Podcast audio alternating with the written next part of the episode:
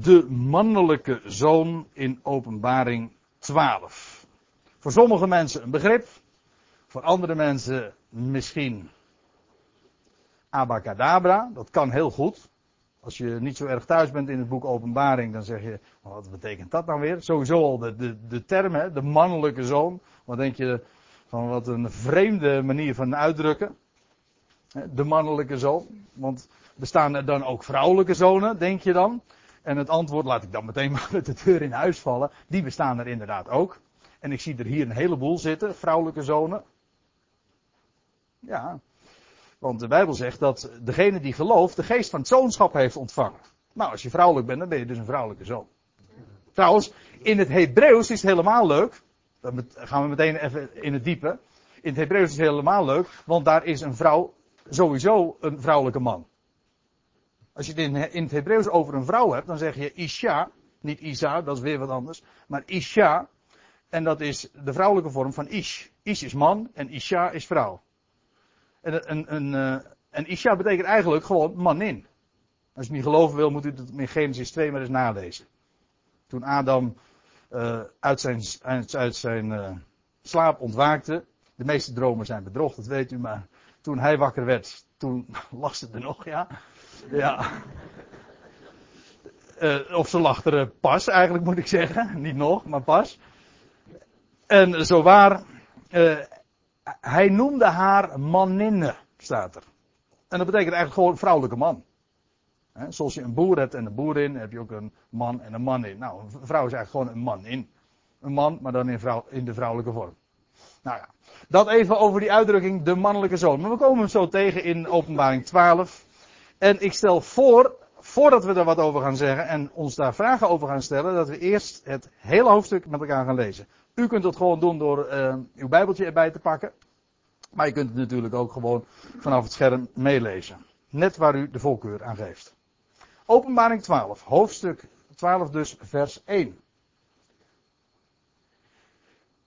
En er, ik lees vooruit de NBG-vertaling en straks tijdens de bespreking zullen we daar vanzelf ook nog wel hier en daar wat kanttekeningen bij moeten plaatsen. Maar ik lees u in eerste instantie dus vooruit de NBG.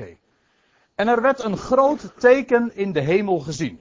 Een vrouw met de zon bekleed. Met de maan onder haar voeten en een krans van twaalf sterren op haar hoofd. En zij was zwanger en schreeuwde in haar weeën en in haar pijn om te baren.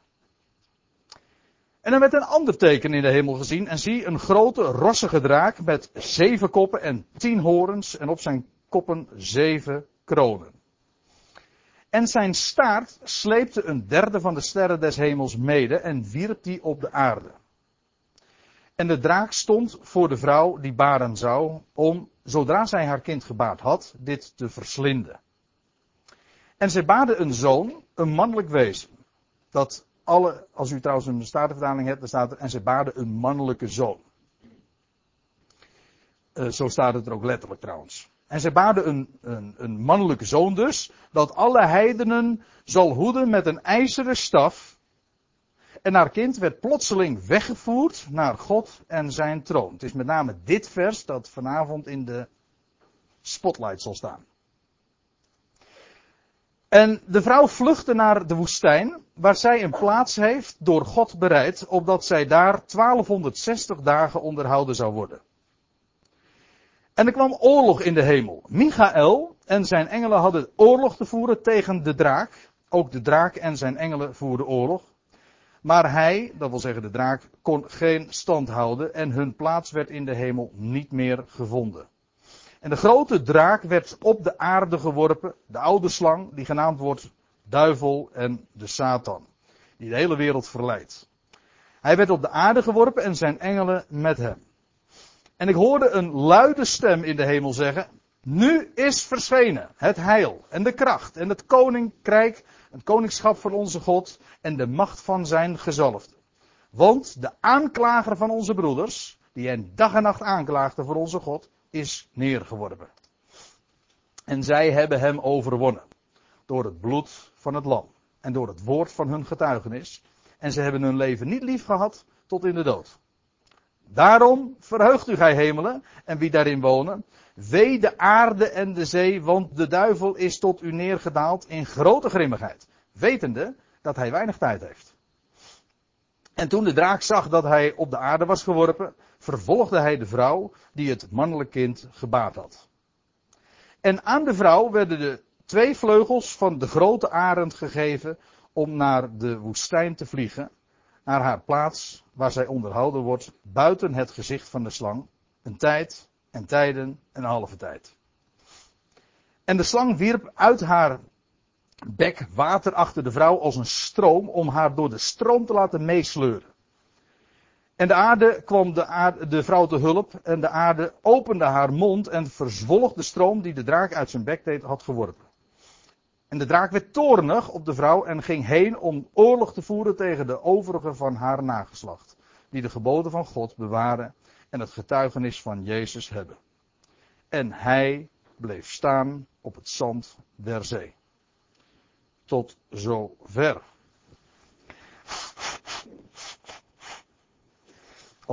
Hoofdstuk 12. En eigenlijk is dat laatste vers dan ook meteen de inleiding tot uh, hoofdstuk 13. Want dan zie je, uh, dan zie je staan dat hij uit, uh, vanaf de, het zand der zee ook een blik krijgt geworpen dus op, op, op die zee. En dat daar een beest uit die zee komt, die vervolgens dan ook beschreven wordt.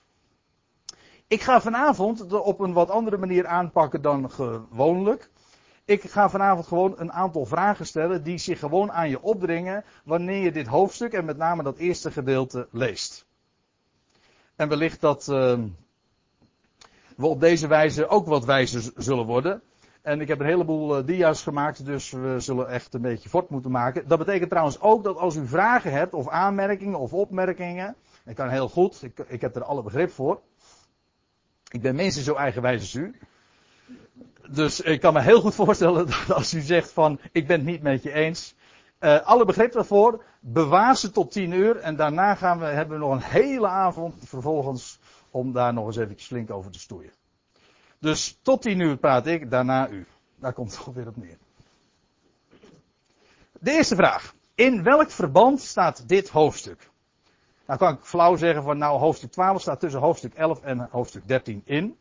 Dat had u ook wel begrepen. Maar laat ik eventjes dan daar bij uw geheugen opfrissen. Voor zover u überhaupt wat weet over wat daar in die hoofdstukken staat. Maar in hoofdstuk 11, dat is een bekend hoofdstuk trouwens. Daar wordt gesproken over het optreden van twee getuigen op het tempelplein van Jeruzalem.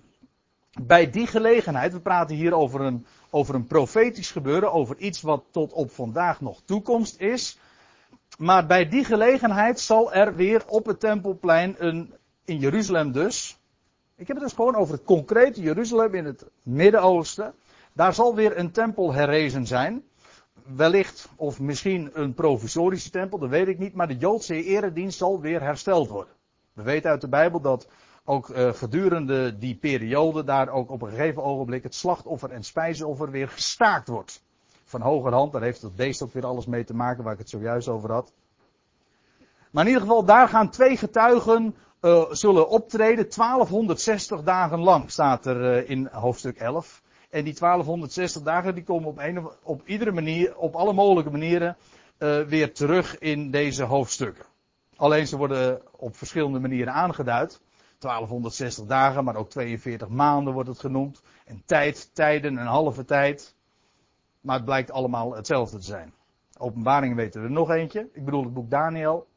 En een halve jaarweek. Dat is allemaal dezelfde termijn. Nou, dan krijg je dus hoofdstuk 12. En dan hoofdstuk 13. Daar uh, lees je over een beest dat uit de zee opkomt. Dat tien horens heeft. Ik kom daar straks nog eventjes op terug. En u vindt daar ook in dat hoofdstuk die bekende passage uh, die, als u het mij vraagt, steeds actueler wordt. Namelijk over dat teken dat uh, mensen zullen krijgen op hun rechterhand. Op hun rechterhand of op hun voorhoofd. En als ze dat teken niet hebben, het teken van het beest, wel dan zullen ze niet eens kunnen kopen of verkopen. Dan worden ze uitgesloten uit het economisch systeem. In de dagen dat Johannes dit noteerde, was dat Heel vreemd, heel eigenaardig dat dat zo stond geschreven. Maar dat komt heel dichtbij. Dat zullen, zulke ontwikkelingen.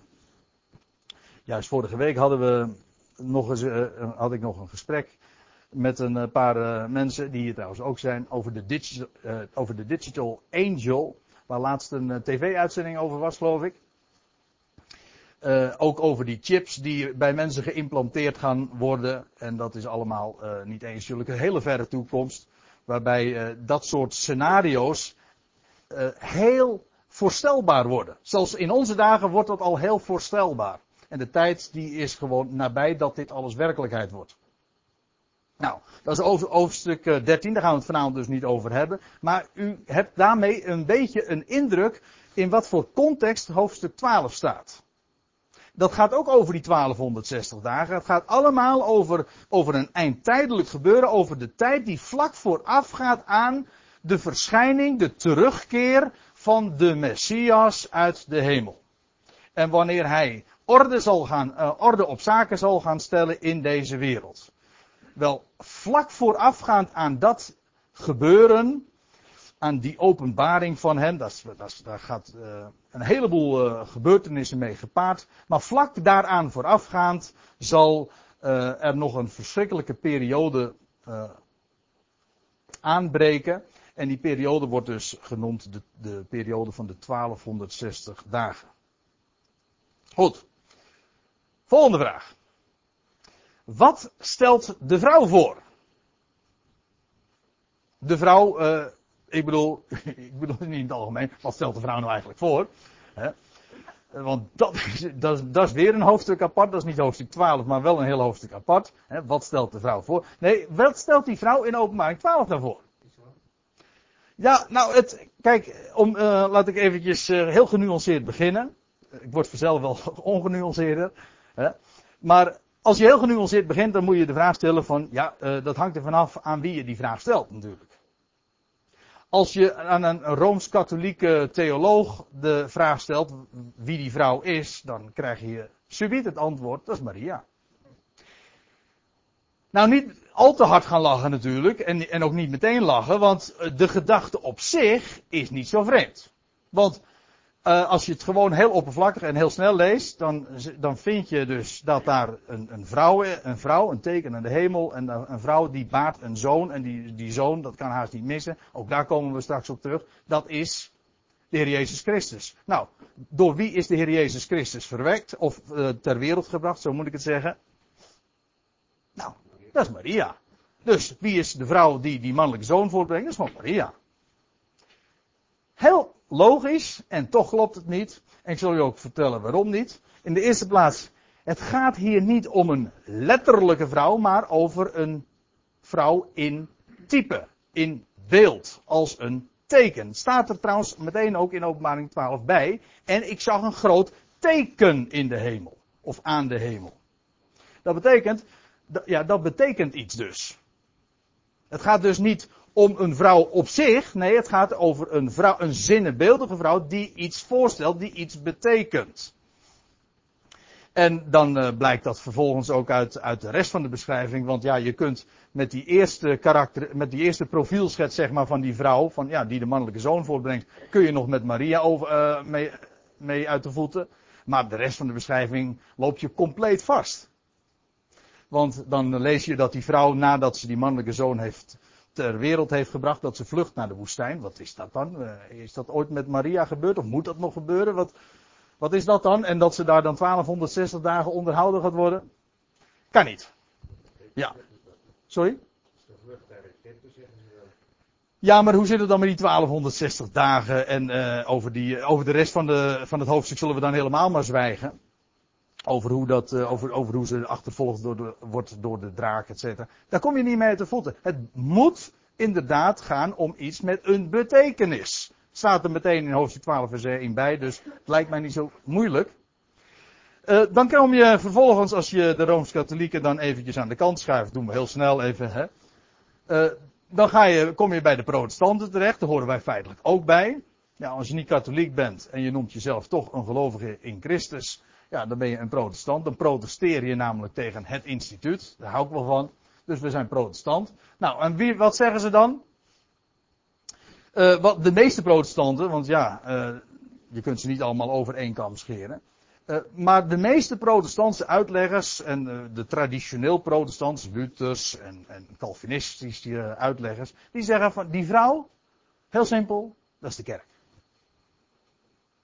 Dat is de kerk de kerk van alle eeuwen, ja, dan kom je ook al eh, op een, eh, op een problematische kwestie. Want uh, de, de gewone, reguliere, traditioneel theologische opvatting, of het nou katholiek of protestant is, dat maakt dan geen verschil. daarbij is het idee van de kerk die bestaat vanaf Adam en uh, gaat door tot op de jongste dag. En men kent geen onderverdelingen. En als daar dus een vrouw gezien wordt, oh, dan is dat de kerk. Maar dan kom je dus inderdaad meteen al bij een bij uh, het grote bezwaar tegen die uitleg dat het de kerk is. Uh, de kerk en even de gemeente. De gemeente die het lichaam van Christus is, bracht de kerk de zoon voort. Ik dacht dat het omgekeerd was. Dat de zoon de gemeente voortbrengt. Hij is het hoofd, hij het eerst, daarna de gemeente. Tot die uitleg kun je ook alleen maar komen wanneer je inderdaad het idee hebt dat de gemeente al bestaat vanaf Adam en er al was voordat de Heer Jezus geboren werd. Maar zo is het niet. De gemeente ontstond daarna. Bovendien, uh, ja, je kunt dezelfde bezwaren feitelijk er uh, tegen inbrengen die ik zojuist al inbracht tegen die Rooms-Katholieke uitleg. Namelijk, vlucht de kerk dan naar de woestijn? En welke woestijn dan is dat? En, en wanneer? En om voor 1260 dagen onderhouden te worden. Hoe, waar, wat? Nou, ik kan u dit verzekeren. Pak een gewone traditionele uitleg uit de kast. En ze, ze, raken al heel gauw aan het vergeestelijke. Aan het symboliseren. En dan 1260 dagen betekent helemaal geen 1260 dagen. Het betekent gewoon een, een bepaalde periode. Alles wordt gewoon zinnenbeeldig verklaard. En uh, het betekent, het wordt zodanig zinnebeeldig uh, verklaard dat niks meer betekent. Al die onderscheidingen betekenen helemaal niks meer. Goed. Dan komen we toch bij de vraag van, wat betekent het dan wel?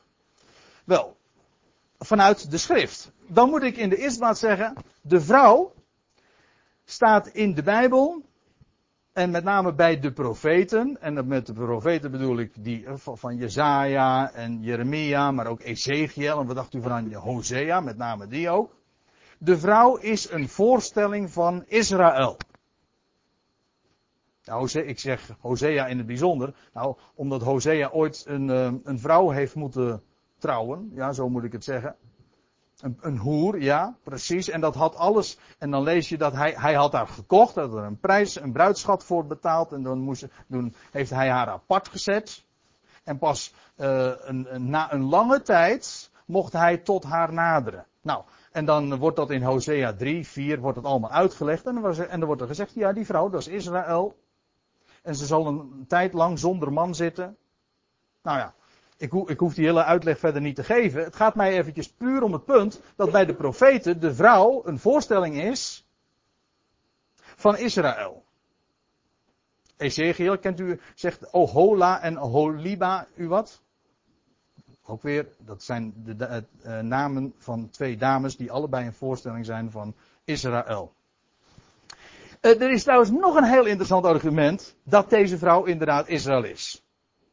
En dat is, en op voorhand, hè. Later zullen we er nog veel meer argumenten vinden. En dus sterker nog, dan vinden we uitsluitend, uh, we worden daar uitsluitend nog maar in, in bevestigd dat die vrouw Israël is. Maar goed, nu eventjes gewoon op voorhand even heel streed denken en uh, de vraag kort beantwoorden. Dan is het tweede argument, de vrouw die wordt geassocieerd met de zon, de maan en twaalf sterren.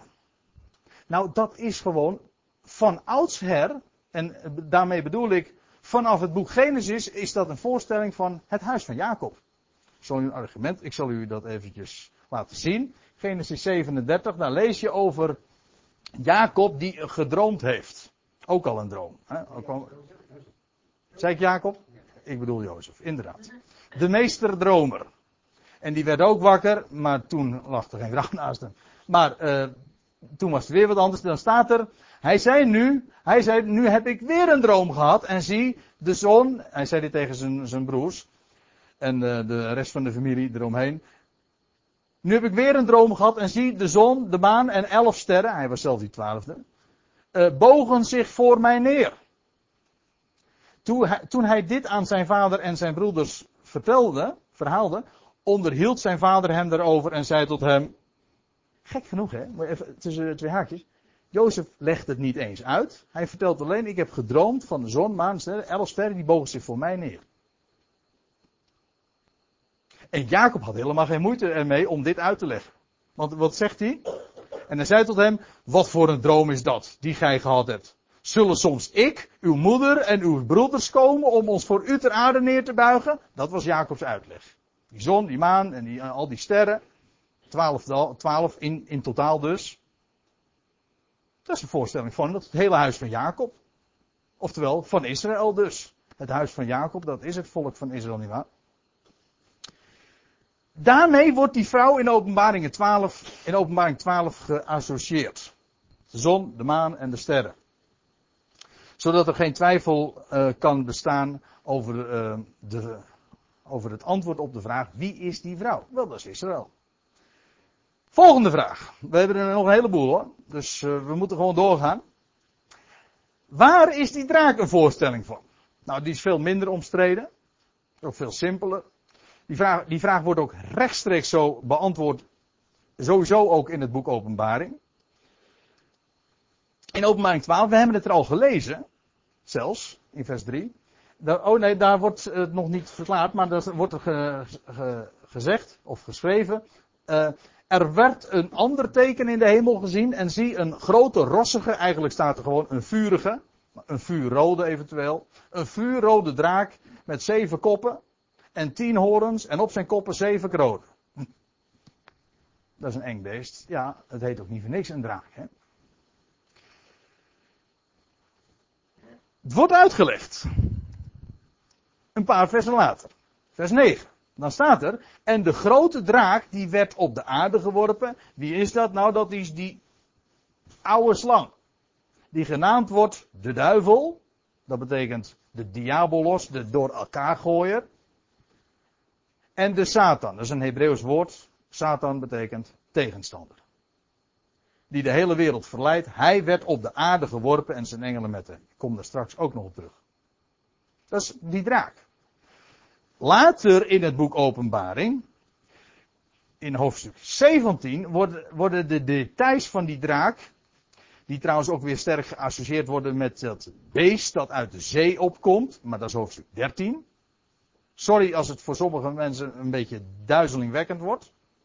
Maar uh, ja, dat heb je met die. Uh, als je een, een, draak beschrijft met zoveel koppen, dan ga je die dingen allemaal een beetje door elkaar halen. Het is ook niet gewoon, het is ook niet normaal hoor, om meerdere koppen te hebben.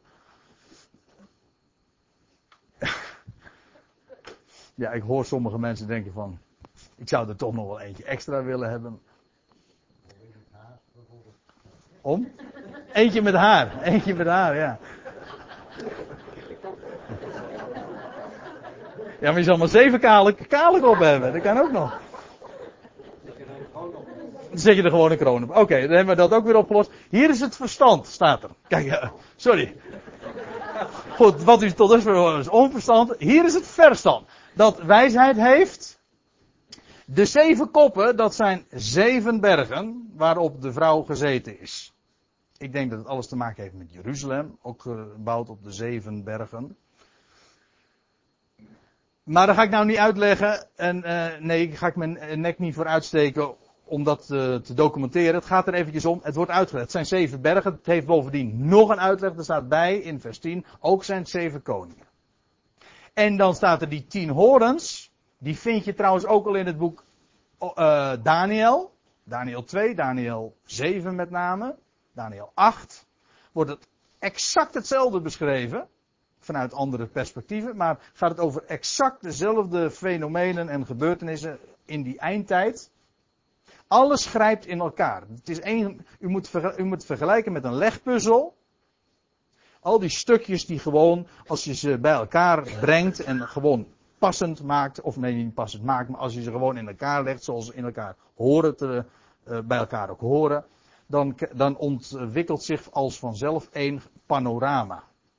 Nou, die tien, tien horens uh, die Johannes gezien had, wel, de uitleg wordt erbij gegeven, dat zijn tien koningen. Die nog geen koningschap hebben ontvangen, maar een uur ontvangen zijn macht als koningen met het beest. Wordt zo uh, dus uitgelegd. Dat die draak heeft dus alles te maken met Satan in, zijn, in de wijze waarop hij zich in de eindtijd hier op aarde zal manifesteren. Middels wereldmachten met tien horens, niet tien uh, militaire of koninklijke krachten. Maar wellicht dat we er vanavond nog wat uh, op een andere manier op, op zullen komen. Voordat we daarop komen, moeten we eerst de, de echte tricky vraag gaan beantwoorden van deze avond. Namelijk, wie is die mannelijke zoon?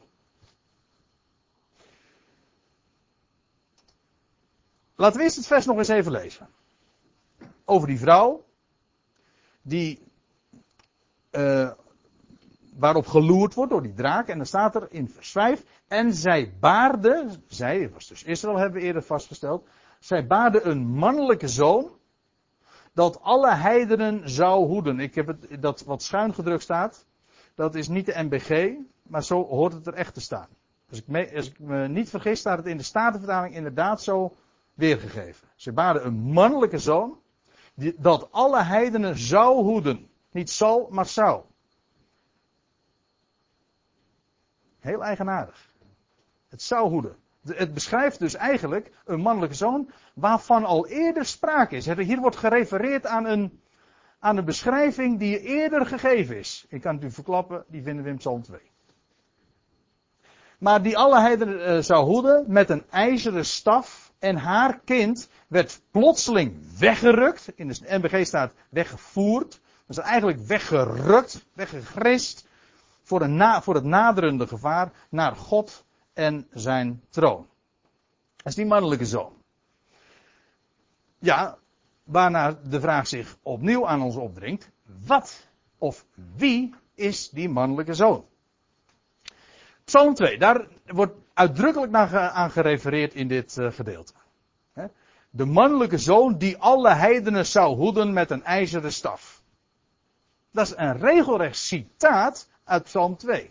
Zodat we dus wil je begrijpen wat daar, uh, wie daar beschreven wordt, dan moet je naar, uh, naar Psalm 2 teruggaan. Nou, Psalm 2 is ook zo'n profetische psalm. Psalm 2 is een psalm dat spreekt over de Messias. Hij wordt ook zo zelfs genoemd in dit, uh, in dit hoofdstuk. De gezalfde. Ja, ja, vers 2, de gezalfde. Maar in het Hebreeuws staat er gewoon de Mashiach. Oftewel de Messias. En dat gaat over de eindtijd. Over de tijd dat de Mashiach hier de heerschappij op aarde zal opeisen. Vers 2 daar staat, de koningen der aarde scharen zich in slagorde tegen de Here en zijn Mashiach, tegen zijn gezalfde. Als ik het in het Grieks zou zeggen, dan zou ik zeggen tegen de Here en zijn Christus. Maar Christus en Messias, of Mashiach, betekent allebei gezalfd. Gezalfde. En dan sla ik een aantal versen over. Dan komen we in vers 7. En dan zegt de psalmist, ik wil gewagen van het besluit van de Heer. Hij sprak tot mij. Nee, hier is de Messias zelf aan het woord. De Mashiach. Hier is de Messias aan het woord. En dan staat, hij sprak tot mij, dat is de Heer. De Heer sprak tot mij, mijn zoon zijt gij. Ja, wie zou, over wie gaat het? Deze stem heeft letterlijk ook uh, veel later, duizend jaar later dan als dit is opgetekend, uit de hemel geklonken. Bij meerdere gelegenheden zelfs.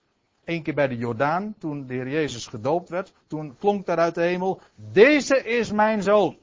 Toen hij opstond uit het water, toen kreeg hij dit te horen. Dit, deze is mijn zoon. Later op bij de verheerlijking op de berg ook nog. Maar hier, hier wordt al uh, geprofiteerd. Mijn zoon zijt gij. Ik heb u heden verwekt. Dat wil zeggen opgewekt. Vraag mij. De Heere, de Heere God spreekt hier dus tegen de Messias. Tegen de Messias, de gezalfde. Tegen zijn zoon, die hij zijn zoon noemt. U weet, op Tempelplein staat tot op de dag van vandaag op die grote rotskoepel. God heeft geen zoon. Nou, Psalm 2 zegt daar als een manifest Paul tegenin. God heeft een zoon, een erfgenaam. Iemand die door God zo is verklaard. Mijn zoon, zijt gij, ik heb je zelf verwekt, heden. En dan zegt de Heere God tegen deze Messias, vraag mij en ik zal volkeren geven tot uw erfdeel en de einde der aarde tot uw bezit.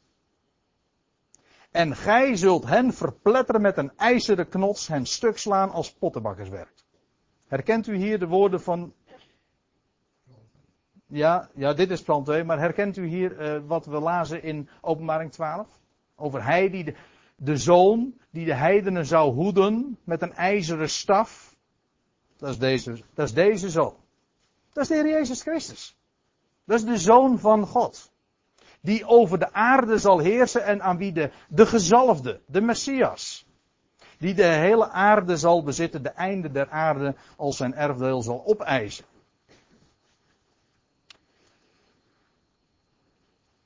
Ik heb nog een argument waarom, waarop dat correct is. Voor zover u dat uh, mocht betwijfelen, dan kan ik u nog wijzen op openbaring 19. Daar staat er, uh, als die, uh,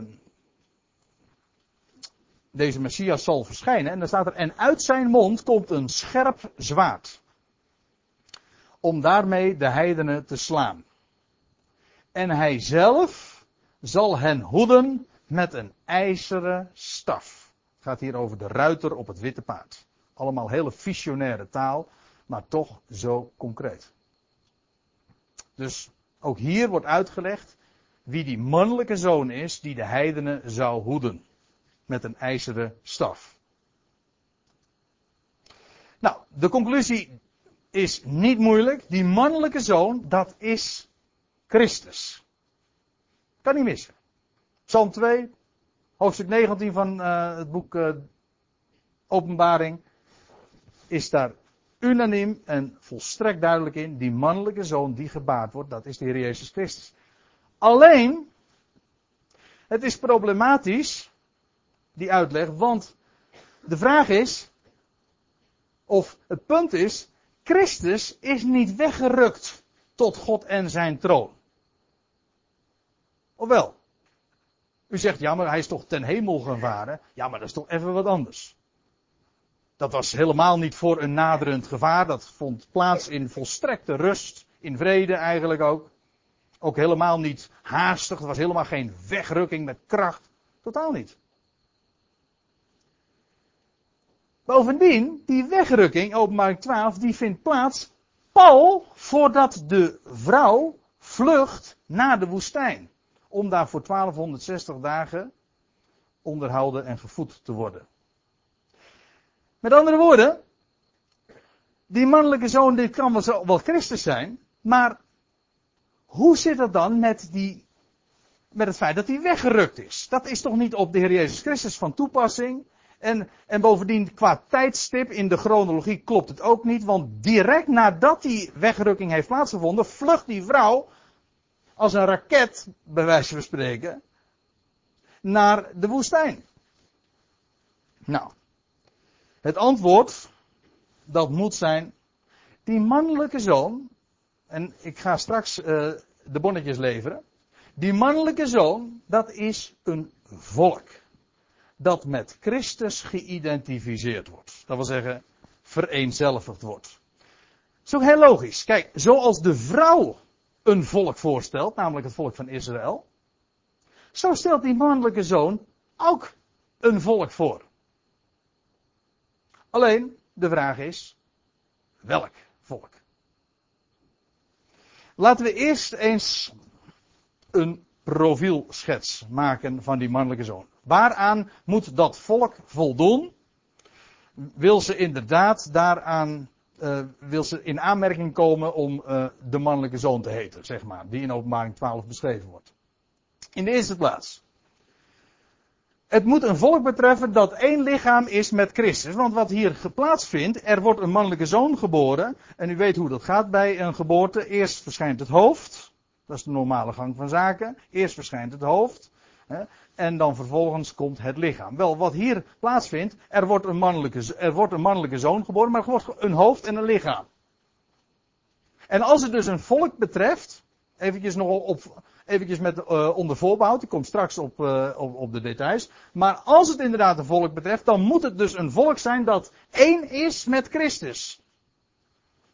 Dat één lichaam is met Christus.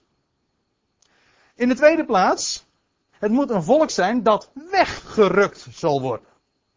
In de derde plaats, een volk dat weggerukt wordt voor de toren van de draak.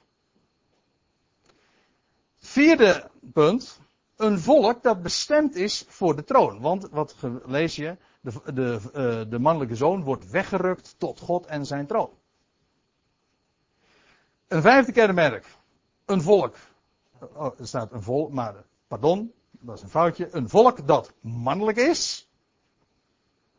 En in de zesde plaats, een volk dat voortkomt uit Israël.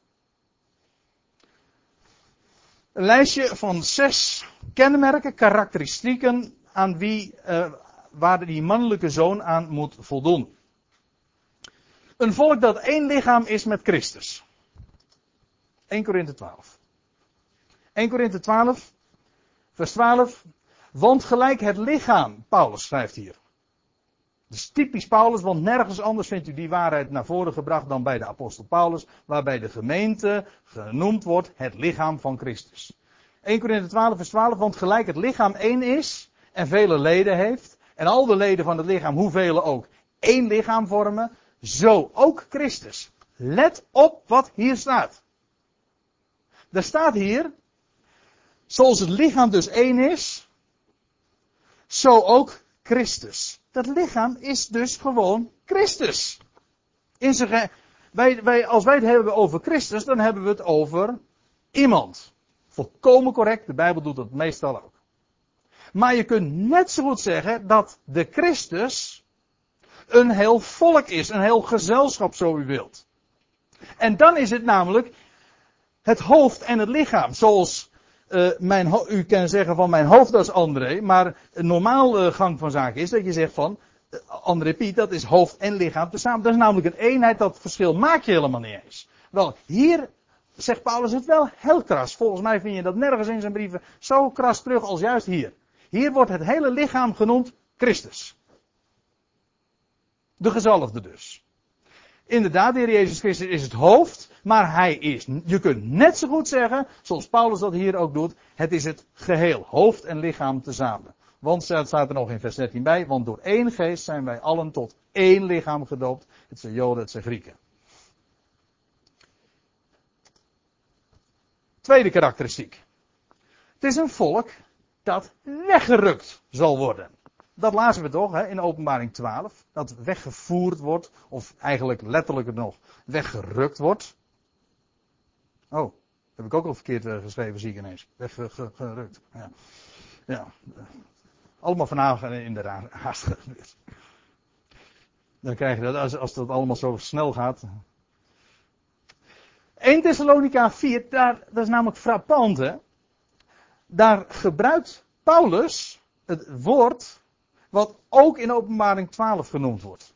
Het komt maar een paar keer voor in het, uh, in het Griekse Nieuwe Testament. Maar dat woord weggerukt of weggevoerd vind je, komt weer terug in, uh, vinden we terug in 1 Thessalonica 4. En ik lees daar een, een gedeelte uit een passage waarin Paulus schreef over de parousia. En waar hij ook antwoord geeft op vragen die uh, waren op, op zijn bureau kwamen te liggen. Over mensen die vragen hadden hoe dat nou zat met degenen die ontslapen waren en of of ze die weer zouden terugzien en hoe dan wel en wanneer en bij welke gelegenheid. En dan zegt Paulus in vers 16, en het is midden in zijn, zijn betoog zeg maar, maar dan zegt hij, want de Heer zelf zal op een teken, bij het roepen van een aartsengel, ik, ik ken maar één aartsengel in de Bijbel en dat is Michael. Zo wordt hij genoemd in Judas. De aartsengel Michael. Aartsengel betekent gewoon de eerste engel, de archangel. Van Michael hebben we zojuist ook gelezen trouwens. Ik breng het u alleen even in herinnering. Knoop het even in uw oren. Want de Heer zelf zal op een aard teken bij het roepen van een aartsengel en bij het geklank van een bazuin gods nederdalen van de hemel en zij die in Christus gestorven zijn, zullen het eerst opstaan. Daarna zullen wij, levenden, die achterbleven, samen met hen, dus samen met hen die uh, het eerst zijn opgestaan, daarna zullen wij samen met hen in wolken, in een ogenwenk, dus ook in de twinkling of an eye zeggen de Engelsen dan, in een gewoon in een, ja, een oogwenk, dat is de Engelse, eh, dat is het Nederlandse woord, in een oogwenk dus weggevoerd worden, weggerukt, exact het woord wat in openbaring 12 vers 5 ook gebruikt wordt, de Heere tegemoet in de lucht en zo zullen wij altijd met de Heere wezen. Weggerukt. Een volk dat dus weggerukt zal worden. Paulus beschrijft dat in 1 Thessalonica 4. Derde karakteristiek. Uh, aan de hand van openbaring 12. Een volk dat weggerukt wordt voor de toren van de draak. Want zo is het hè. Als je dat daar leest. Die draak die ligt op de loer. Die heeft het op die mannelijke zoon in eerste instantie gemunt. Later op die vrouw. Maar in eerste instantie op die mannelijke zoon. Op een of andere manier is die mannelijke zoon een rivaal. Ook daar kom ik uh, later nog op terug. Maar die mannelijke zoon is een, kennelijk een rivaal. Maar in ieder geval, hij is toornig. Uh, op wat daar plaatsvindt. En hij wil die mannelijke zoon wil die verslinden. Zo hebben we het ook gelezen. En met het oog daarop is het dat die, die mannelijke zoon ook, zodra het geboren is, zodra niet alleen het hoofd, maar ook het lichaam, zeg maar, daar zijn, verlost zijn. Leuke dubbelzinnige termen in dit verband. Maar als die, als dat, als die geboorte heeft plaatsgevonden, wordt het meteen weggerukt, weggevoerd, hè, van, voor de toren van de draak, om het te beveiligen. 1 Thessalonica 1. We lazen net uit 1 Thessalonicense 4, waar we lezen over de wegrukking. Hè, dat we weggerukt zullen worden in één oogwenk de Heer tegemoet. 1 Thessalonica 1, daar wordt gesproken over, en ik lees vanaf vers, ik lees vers 10. Daar wordt gesproken over dat we uit de hemel, of nee, het gaat hier over de Thessalonikers, die uit de hemelen zijn zoon verwachten, die hij uit de doden opgewekt heeft. Jezus, die ons verlost van, of eigenlijk staat er letterlijk, uit de komende toren. Als het ware zo uit de, de bek gerukt worden, vlak voor, het, het, het gevaar, als je, als je het je een beetje probeert voor te stellen waar, waar het hier over gaat, maar ook waaraan gerefereerd wordt in openbaring 12. Er is sprake van een gevaar. Bij het, het dreigt verslonden te worden en het wordt als het ware zo vlak uit, uit de bek van die, die draak, of vlak voor, voor hem, uh, in, in, in dat tafereel wordt die, wordt die mannelijke zoon meteen weggerist, weggegrist en weggerukt om, en uh, beveiligd, want dat is het woord, voor die komende toren. Ik, uh, ik heb expres twee versen daar nog onder geschreven. Want dat woord wat hier gebruikt wordt met. Uh, wat hier wordt weergegeven met verlost. Christ, hè, de heer Jezus, die ons verlost. Uit de komende toren. Wel, dat woord wordt nog een paar keer gebruikt in, in het Nieuwe Testament. Maar in 2 Timotheus 4, daar gebruikt Paulus het ook. En dan zegt hij. Dan vertaalt, wordt het vertaald in de NBG met beveiligen. De Heer zal mij beveiligen tegen alle boze opzet. En in Romeinen 15 gebruikt hij ook exact hetzelfde woord. En dan wordt het vertaald met behoeden. Opdat ik behoed word voor de weerspannigen in Judea. Het heeft in ieder geval te maken met gevaar. Hier in, in 1 Thessalonica 1 met toren. En daar wordt. En hij, hij zal straks komen uit de hemel en dan zal hij ons inderdaad verlossen, oftewel behoeden of beveiligen, in veiligheid brengen plotseling in één oogwenk weggerukken voor de komende toren. Ja, ik heb expres dit plaatje er even bij geschreven. Ik had op internet, op Google had ik rescue had ik ingetikt en uh, images en dan kreeg je dit, kreeg je dit plaatje te zien. Zo'n uh, zo'n helikopter die uh, die redt, ja, precies. In veiligheid brengt in, in, in, in, omstandigheden van, van groot gevaar is het, is het zo'n helikopter die dan beveiligt of behoedt of verlost. Nou, dat is precies zoals wij ook de Heer Jezus Christus verwachten uit de hemel. Paulus zegt, wij verwachten Hem uit de hemel en Hij zal ons verlossen uit De toekomende toren. Nou wordt er meestal gedacht van, ja, de toren van God. Staat er niet bij. Nee, dat, stond, dat staat er niet bij. Er staat, die ons verlost uit de komende toren. Wij zelf denken daar misschien bij van verlossen uit de toren, uh, uit de toren van God. Staat er niet. En als ik het vergelijk met openbaring 12, klopt het ook niet. Ik, ja, dat is, dat is trouwens nog een. Uh, oh, sorry. Ja, als, iemand uit gevaarlijke, als je hem juist daar laat staan om het gevaar van afstand te houden. Want het is te weerhouden. Nee, nee, oh, maar wacht even. Nou haal je er nog, een, nog een, een passage bij. En dat is 2 Thessalonians 2. Daar heb ik er nou expres niet bijgenomen. Want dat is namelijk nog een verhaal apart hoor. De weerhouder. Het gaat nu eventjes puur over dat, dat, dat idee van verlossen, in veiligheid brengen, wegrissen. En dan uh, in verband met een, een groot naderend gevaar. In openbaring 12 is het zo duidelijk. Die, man, die, die draak die loert op die mannelijke zoon. En zodra het geboren is, wordt het meteen in veiligheid gebracht. Zo weggerukt tot God en zijn troon. Daar moet het kennelijk wezen. Ja, oh dat is ook zo. Ik had er een aparte dia nog voor gemaakt. Want uh, over die ons verlost uit de toekomende toren. Want dat is namelijk exact hetzelfde woord wat later in openbaring 12 ook gebruikt wordt. Niet over de toren van God. Dat zal namelijk pas op een later tijdstip actueel worden. Niet voor die 1260 dagen, maar na de 1260 dagen. Kan ik nu eventjes niet dieper op ingaan, maar je, je, leest dat, dat woordje toren komt in openbaring 12 voor. En dan, dan lees je over die, die, die draak die werd toornig op de vrouw en ze ging heen om oorlog te voeren. Het is toorn, het is grimmigheid, dat woord wordt ook gebruikt, die daar uh, geschilderd wordt. Het hele tafereel is, is die van, van, uh, van enorm gevaar, die draak die loert op die vrouw en vooral op die mannelijke zoon. We gaan uh, weer even terug. We hadden het over dat, de karakteristieken van die mannelijke zoon in openbaringen 12. Welk volk voldoet daaraan? Wel, dat volk, lezen we, is bestemd voor de troon. immers, het werd weggerukt tot God en zijn troon. Op dat moment is er op aarde nog helemaal geen troon van God. De troon van God zal pas op een later tijdstip op aarde gevestigd worden, maar voor die 1260 dagen, voor die verdrukking, is er nog geen sprake van de troon van God op aarde. Het gaat hier over de troon van God in de hemel. Die, dat volk, die mannelijke zoon, die wordt weggerukt naar de hemel.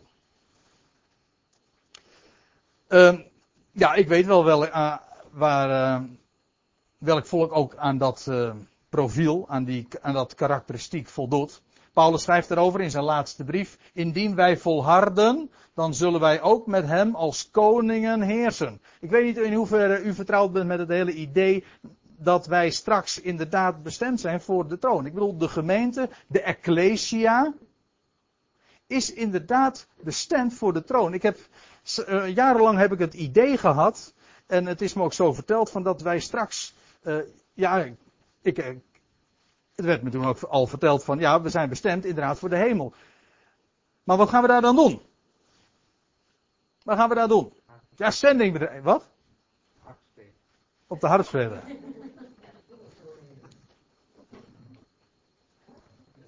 Ja. Uh, op de hartsvrede. Nou, uh, ik heb er nog eentje. Uh, zendingbedrijven. Ja, te midden van de hemelse machten, zendingbedrijven. Zo vind ik het in de Bijbel niet terug. Ik vind maar één idee terug en dat is dat wij inderdaad straks uh, in de hemelse gewesten de heerschappij zullen overnemen. Ik kom daar later op de avond nog eventjes op terug. Maar uh, ik wijs nu alvast eventjes op wat Paulus schrijft in, uh, in 2 Timotheus 2. Van indien wij volharden, zullen wij ook met hem als koningen heersen. Het idee daarbij is ook dat de mate waarin wij hier inderdaad op aarde volharden, over in, in overeenstemming is met de mate waarin wij straks ook zullen delen in de heerschappij van Christus. Zo schrijft Paulus dat dus in 2 eh, Timotheus 2. Eh, en uh, eigenlijk is deze hele deze tijd van dat wij hier op aarde rondbrengen, doorbrengen, uh, niets anders dan een, een oefentijd om straks inderdaad ook te gaan heersen. Bestemd voor de troon. In het Engels heb ik ooit eens een keertje deze zin opgevangen. opgevangen. Die luidde: Lifetime is training time for raining time. Dat wil zeggen, de tijd hier dat wij, dat de, de tijd dat we hier leven op aarde is niks anders dan trainingstijd om straks te gaan regeren. Ja. Nee, niet te regenen, uh, maar om te gaan heersen.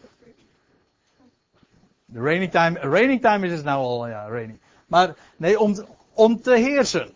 Nou, dat is wat Paulus hier ook zegt. In die we volharden, zullen wij straks ook met hem als koningen heersen. En de mate waarin, dat, waarin hij hier ook zijn leven heeft kunnen uitwerken, zal in overeenstemming ook zijn met de mate waarin wij zullen delen in die heerschappij. Nou, hoe dat verder ook zij, uh, het is een heel bekende gedachte, uh, ook in Efeze 1. En daar, wordt, uh, daar schrijft Paulus aan het eind van het hoofdstuk, door hem uit de doden op te wekken, staat er, gaat over de Heer Jezus uiteraard, en hem te zetten aan zijn rechterhand in de hemelse gewesten. Te midden van de hemelingen, letterlijk. Boven alle overheid en macht en kracht en heerschappij en alle naam. Die genoemd wordt, niet alleen in deze, maar ook in de toekomende eeuw. En hij, God, heeft alles onder zijn voeten gesteld en hem als hoofd boven al wat is, gegeven aan de Ecclesia. Waarbij ik het nog even aanteken. Dat, eh, dat schiet me zo ter plekke te binnen. Maar ecclesia, de, dat woord gemeente, is in het Grieks ecclesia. Maar ecclesia betekent letterlijk de volksvergadering. En dat is in de Bijbel de aanduiding van de plaats waar de macht uitgeoefend wordt, waar geregeerd wordt. Het is in wezen een, een, een term met een politieke status. De ecclesia, dat is het gezelschap dat bestemd is om te heersen. Wel, dat is wat we zijn. Hij is het hoofd en wij zijn zijn regerend lichaam, zeg maar.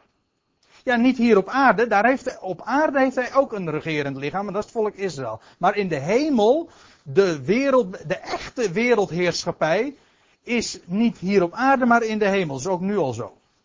De overheden en de machten in de hemelse gewesten. Die echt aan de touwtjes trekken, achter de schermen. Maar straks gaan wij als het ware uh, hun, uh, hun positie overnemen. Zij eruit, wij erin. Of omgekeerd, wij erin, zij eruit. Ja, dat is de veelkleurige wijsheid van God daar uh, bekend maken. Ik, lees nog een gedeelte. Uh, 1 Korinthe 6. Paulus is daar heel. Ja, hij is er laconiek over, maar hij, hij, zegt het ook, hij veronderstelt het ook als bekend. Hij zegt: Of weet gij niet? En ik denk inderdaad, nee, dat weten we vaak helemaal niet. Of weet gij niet dat de heiligen, dat wil zeggen degenen die nu apart gesteld zijn, omdat ze geloven in Hem als Heer. Wel, weet gij niet de, dat de heiligen de wereld zullen oordelen, zullen richten? Weet u dat? En dat is zo leuk, hè, want hij, hij legt meteen ook de link naar het leven van die, van die Corinthiërs. Hij zegt, en indien bij u het oordeel over de wereld berust. Zijt gij dan onbevoegd voor de meest onbetekende rechtspraak, de, wat daar aan de hand was? Men ging naar de wereldse rechter omdat men onderling bonje had. Dat, vindt vandaag ook nog wel eens plaats. dan hebben ze hebben gelovigen bonje en dan gaan ze naar de rechter. Dat is krankzinnig, zegt Paulus. Het gaat er nou niet om dat het niet mag. Paulus roept altijd, alles is geoorloofd. Hij zegt, het is dit. Hij zegt, weet je dan niet dat bij ons de heer, de, het oordeel van de wereld berust? Dan is het toch belachelijk om naar een rechter toe te stappen die straks zelf door jou gericht gaat worden. Dat is het idee. Hij, hij laat eigenlijk zien hoe belachelijk het is om inderdaad dan naar de rechter toe te stappen moet je een beetje van je status bewust zijn. We hebben er eigenlijk geen flauw idee van waarvoor we bestemd zijn. Ja, we hebben de hoogste positie als ecclesie. We zijn verbonden met Hem. Hij die het hoofd is boven alle overheid en macht. Hij is het hoofd. Wij zijn zijn lichaam. We zijn verbonden met Hem. Zoals hoofd en lichaam. Zijn, zijn positie is de onze. Ja, en dan, ik maak het nog eventjes uh, af die uh, karakteristieken, eh, want uh, die laatste twee kan ik, daar kan ik kort over zijn. Een volk, oh, daar heb ik weer dezelfde fout gemaakt. Dat heb je als je gaat kopiëren en plakken. Maak iedere keer dezelfde fout weer. een volk dat mannelijk is. Ja, want zo hè, zo werd het beschreven. Uh, dat, uh, zo, zo, zo wordt de gemeente, het lichaam van Christus, inderdaad ook beschreven. Efeze 4, vers 13. Totdat wij allen de eenheid des geloofs, de volle kennis van de Zoon Gods bereikt hebben, de mannelijke rijpheid. De maat van de wasdom der volheid van Christus. Dat is ook een hele mond vol. Het gaat mij nu eventjes om puur om het punt dat de gemeente inderdaad mannelijk is. Mannelijk heeft ook alles te maken met, uh, met heerschappij. Sorry dames, maar zo is het. In de Bijbel is, wordt mannelijk altijd geassocieerd met, met, met macht en met heerschappij, met gezag. Vandaar ook met een staf en met de, ja nou klinkt het wel helemaal dubbelzinnig, met de roede. Maar dat is wat mannelijk is. Het heeft te maken met heerschappij. Ja.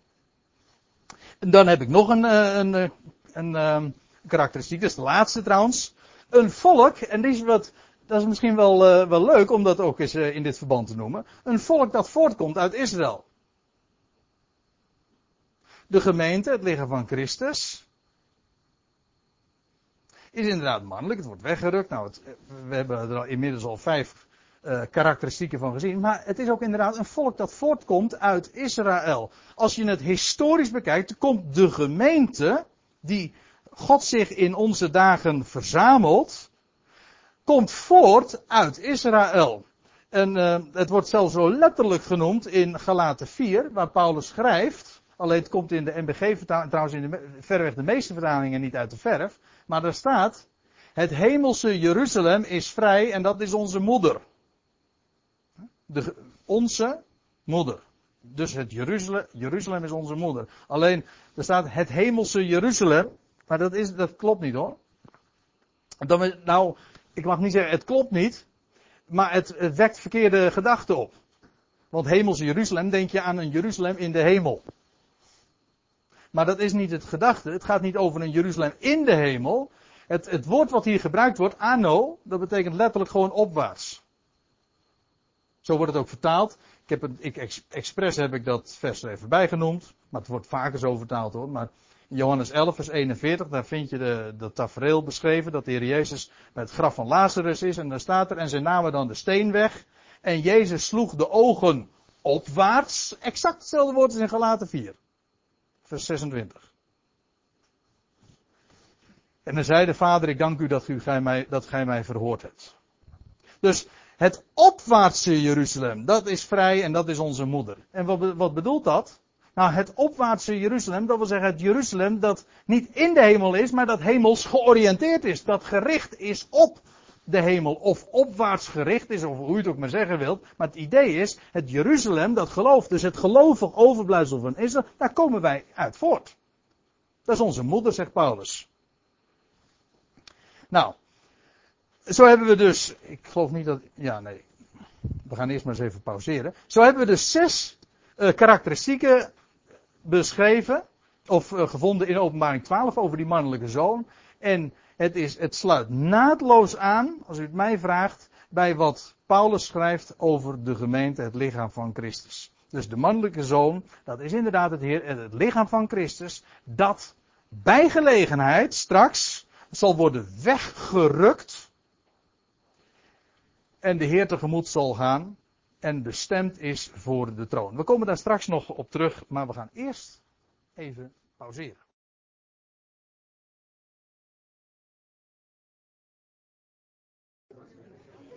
Goed, wij gaan de Bijbelstudie voortzetten, nog een half uur.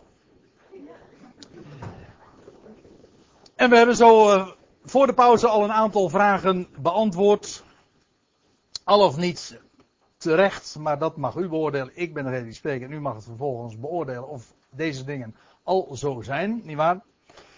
Maar ik heb uh, doorgegeven zoals ik dat zelf heb ontdekt. En de volgende vraag is, wat vindt er plaats na die wegrukking van de mannelijke zoon? In openbaring 12 wordt dat beschreven. Ik lees even vers 5 nog. Zij baarde een zoon, een mannelijk wezen, dat alle heidenen zou hoeden met een ijzeren staf en haar kind werd plotseling weggevoerd naar God en zijn troon. En de vrouw vluchtte naar de woestijn. waar zijn plaats heeft, door God bereid, dat zij daar 1260 dagen onderhouden zou worden. De vrouw vluchtte naar de woestijn. Dat is een bekend beeld. Een bekende zaak in de Bijbel, want hier wordt het in visionaire taal beschreven, dat wil zeggen als een teken, als een vrouw die vlucht naar de woestijn. Maar elders in de Bijbel wordt het ook letterlijk zo beschreven. Over die plaats in de woestijn, ik kom daar straks op terug, wordt een heleboel zelfs beschreven. Maar over die vlucht ook. In uh, Matthäus 24, de bekende reden over de laatste dingen. Zo staat het er in mijn Bijbeltje boven. Waarin de Heer Jezus op de Olijfberg is gezeten en spreekt over de gebeurtenissen die verband houden met het, de voleinding van deze aion, van deze eeuw, van dit wereldtijdperk. En, de, en de, het teken van zijn parousia. Nou, dan, uh, dat, is een, dat is een lang hoofdstuk. En dan zegt hij in vers 15, wanneer gij dan de gruwel, dat is letterlijk een afgodsbeeld, de gruwel van de verwoesting, waarvan door de profeet Daniel gesproken is. En als u een paar maanden geleden, nou ja, een half jaar, eh, nee, dat was vorig jaar natuurlijk, eh, de studiedag, toen hebben we daar een, een hele dag aan gewijd over die profetie in Daniel, waaraan de Heer Jezus, waarna de Heer Jezus hier ook verwijst. Die profetie over de 70 jaarweken in Daniel 9. En dan lees je dat in die laatste jaarweek, halverwege die jaarweek, dan, dan wordt het slachtoffer en spijsoffer wordt gestaakt van hogerhand. Dat wil zeggen, er mag niet meer geofferd worden. De hele, de hele tempeldienst wordt platgelegd. En dan wordt er een gruwel in die tempel opgericht. Een afgodsbeeld. Ook het, boek Openbaring spreekt er ook over. Dat ze het beest moeten gaan aanbidden, et cetera. Nou, wanneer gij dan de gruwel van de verwoesting waarvan door de profeet Daniel gesproken is op de heilige plaats, dus dat tempelplein, ziet staan. De heer zegt er dan nog bij. Wie het leest, geef er acht op. Dus let er nou op wat ik zeg, want ik verwijs daar gewoon naar. Dus bij de profetie in het algemeen, ik, ik zei, het voor de pauze ook al even. Het is net een legpuzzel, maar al die passages die passen in elkaar. En om het beeld compleet te krijgen, moet je inderdaad schrift met schrift vergelijken. Zo werkt het trouwens in, met bijbelstudie in het algemeen, maar de studie in, van de profetie in het bijzonder. Dus wie het leest, geven er acht op. Laten dan, let op, wie in Judea zijn, vluchten naar de bergen. Het gaat hier over op, uh, het moment dat er een gruwel opgericht wordt uh, op de heilige plaats. Paulus verwijst daar ook naar in 2 Thessalonicense 2, als hij zegt dat de mens der wetteloosheid zich in de tempel God zal zetten om aan zich te laten zien dat hij een God is. En dan zal daar gewoon afgoderij gepleegd gaan worden, daar op die heilige plaats. Nou, dat is het uiterste tijdstip dat nog, dat de Joden die dan leven, de, zij die in Israël leven, zij die in Judea zijn dus, in het Joodse land zich bevinden, dat ze dan nog kunnen vluchten naar de woestijn. En de heer Jezus zegt dan ook van nou, als je op het dak bent, hij zegt keer niet terug om je jas te halen. Hij zegt dan moet je echt maken dat je wegkomt. Want als je nog wil vluchten, dan moet je het dan doen. Als je, als je het namelijk uitstelt, dan is het te laat. Wee de zwangeren en de zogende in die dagen, staat er iets, iets, iets later. Bid dat uw vlucht niet in de winter vallen en niet op een sabbat. Het gaat hier over een Joodse context. Het Joodse land over Joodse mensen. Want er zal dan een grote verdrukking zijn. Zoals er niet geweest is van het begin der wereld tot nu toe en ook nooit meer wezen zal. De grote verdrukking. Nou, dan kan er niet gevlucht worden. Uh, sowieso al naar de Joodse maatstaf, als je de Joodse levensstijl hebt, dan, uh, dan, uh, dan reis je niet op de Sabbat. Dat is één ding. Behalve, je mag een Sabbatsreis reizen en dat is 2000 L. Dat is, dat is een, een kilometer, zeg maar. Ook weer onder bepaalde omstandigheden, maar in ieder geval vluchten zou je niet doen. En bovendien, ook uit de hele praktische overwegingen. In het Joodse land uh, kun je verder ook niet vluchten. En nu, er is geen eens openbaar vervoer. Je kan niet eens vluchten. Het verkeer ligt plat, het openbaar vervoer is er niet. Dus de bussen rijden dan niet, zal ik maar zeggen. Ja. Goed, we gaan verder. Openbaring 12. Want uh, ik wil nog wel wat meer laten zien. We gaan nu als in vogelvlucht even door wat er nog meer staat. Want de vrouw vluchtte dus naar de woestijn. Nou, dat refereert dus aan wat we ook in Matthäus 24 lezen. En dan staat er waar zij een plaats heeft door God bereid. En dan mag, kan ik weer eventjes terugkoppelen, want het zal zo'n, ik weet niet meer precies, maar zo'n anderhalf jaar geleden geweest zijn dat ik hier ook een bijbelstudie heb gegeven. Die, dat speciaal een hele avond ging over deze, over dit onderwerp. Over die plaats in de woestijn die God gereserveerd heeft, die God bereid heeft waar een Joods overblijfsel dat vlucht een veilige onderkomen zal vinden, een, een onderduikadres in de woestijn. Ja, we vinden dat. Uh, ik, ga dat nu uiteraard niet allemaal weer uh, opnieuw uh, in herinnering brengen, maar een paar dingen wil ik er wel over zeggen. In Micha 2 wordt het beschreven. Daar, daar staat er: Voorzeker zal ik, dus de Heer, u, o Jacob, in uw geheel bijeenbrengen. Voorzeker vergaderen het overblijfsel van Israël. Ik zal hen bijeenbrengen als schapen in Bosra. Ja, in de NBG-vertaling staat in een schaap, als schapen in een kooi. Dat kan wel, want Bosra betekent kooi. Maar Bosra is gewoon een plaatsnaam. En dat is de Bosra of Petra, want dat is hetzelfde. Het gaat over dezelfde locatie in het gebied van Edom. En daar zal het volk van Israël in de woestijn bij elkaar gebracht worden. Dat is heel onbekend hoor. Toch wel. Want de meeste mensen die denken, de meeste gelovigen die nog een toekomst voor Israël zien, die denken dat, dat God vandaag eigenlijk de, staat Israël aan het vormen is en, en dat hij daar Israël bij elkaar brengt. Maar hier staat, hij zal, hij zal hen bijeenbrengen daar in Bosra. Als een kudde in het midden van de weide. Het zal er gonzen van de mensen. Ja, en je, u zegt Bosra. Ja, dat kom je nog wel eens tegen hoor. Petra ook. Petra kom ik zo vaak tegen maar je komt uh, Petra ook in, uh, in een ander verband tegen, ook als de Hebreeuwse naam, Sela. Nee, niet te vaak, dat zei ik niet. Nee, oh broeder Woutersen, ik zei, ik kom er vaak tegen. Nee. Ja. Maar in Jesaja 63, want dat gebied uh, wordt, wordt vaker genoemd, dan staat er, wie is het die van Edom komt, in helrode klederen van Bosra? Bosra is een plaats in Edom. Ik zal straks een kaartje laten zien. Eh, die daar praalt in zijn gewaad, vier voortschrijdt in zijn grote kracht. Ik ben het, zegt de Heer, die in gerechtigheid spreekt en machtig om te verlossen. Waarom is dat rood aan uw gewaad? Trouwens, Edom betekent rood. Trouwens, en Adom betekent, of Dom, uh, wat is het? Dam, dat is bloed heeft allemaal met elkaar te maken. Waarom is dat rood aan uw gewaad? Er zijn uw klederen als die van iemand die de wijnpers treedt. Ook een bekend profetisch beeld. Als de, de Messias zal verschijnen, de Heer zelf in de persoon van de Messias verschijnt, dan zal hij in de, de wijnpers treden. En dan is het rood aan zijn gewaad. Bloedrood, ja. Dat zijn, kijk, er, wat nu klinkt in het evangelie, en dat is de boodschap van genade.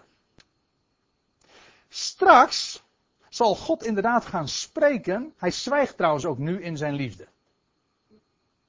En voor zover hij laat, eh, van zich laat horen, dan is dat de boodschap van genade. En van over, de genade die alles overwint. Maar neem niet weg, en ik wil dat ook best eens een keertje zeggen, want het wordt, het wordt me vaak kwalijk genomen. Zeg, ja, jij het altijd maar over de genade van God. Maar wat dacht je? In de Bijbel wordt ook gesproken over Gods toren. Jawel, maar dan zeg ik erbij, Gods toren is altijd een herstellende toren. Dat is één ding. En bovendien, en dat bedoel ik ook helemaal niet zachtzinnig, want lees dat maar na in het boek Openbaringen. Lees het maar na bij de profeten. Dan is het inderdaad zo dat de Heer gaat verschijnen en inderdaad zal recht doen en daarbij zal het ook niet zachtzinnig gaan toegaan. Wat lazen we? Over hij die de, die de heidenen zou hoeden met een ijzeren knots. En zal stuk slaan als pottenbakkerswerk. Ik bedoel, wat me nu eventjes puur om gaat is, dat is niet zachtzinnig. Alleen het punt is, en dat is waarom ik, waarom, dat lijkt nu een beetje dubbel, maar wat je dan altijd verweten wordt als je spreekt over genade en over genade die alles overwint, dan uh, is het idee van uh, alsof je dat de, de toren van God en Gods gramschap of zo zou wegre wegredeneren. Het gaat mij puur om dat we de zaken in de juiste verhouding zouden zien. En dan zeg ik, hoe is die verhouding dan? en dan zeg ik het graag de psalmist na, een ogenblik duurt zijn toren en een leven lang zijn goede tierenheid. Zo is die verhouding. De toren wordt niet weggeredeneerd, maar het is altijd een ogenblik. Verhoudingsgewijs is het kort.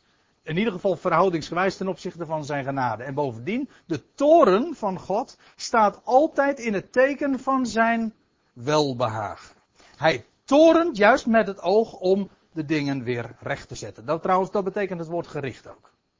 Gericht betekent helemaal niet verdoemen. Dat kent de Bijbel niet. De Bijbel is, in, is in, de Bijbel, in de Bijbel is gericht altijd recht zetten. Hoe pijnlijk dat ook is.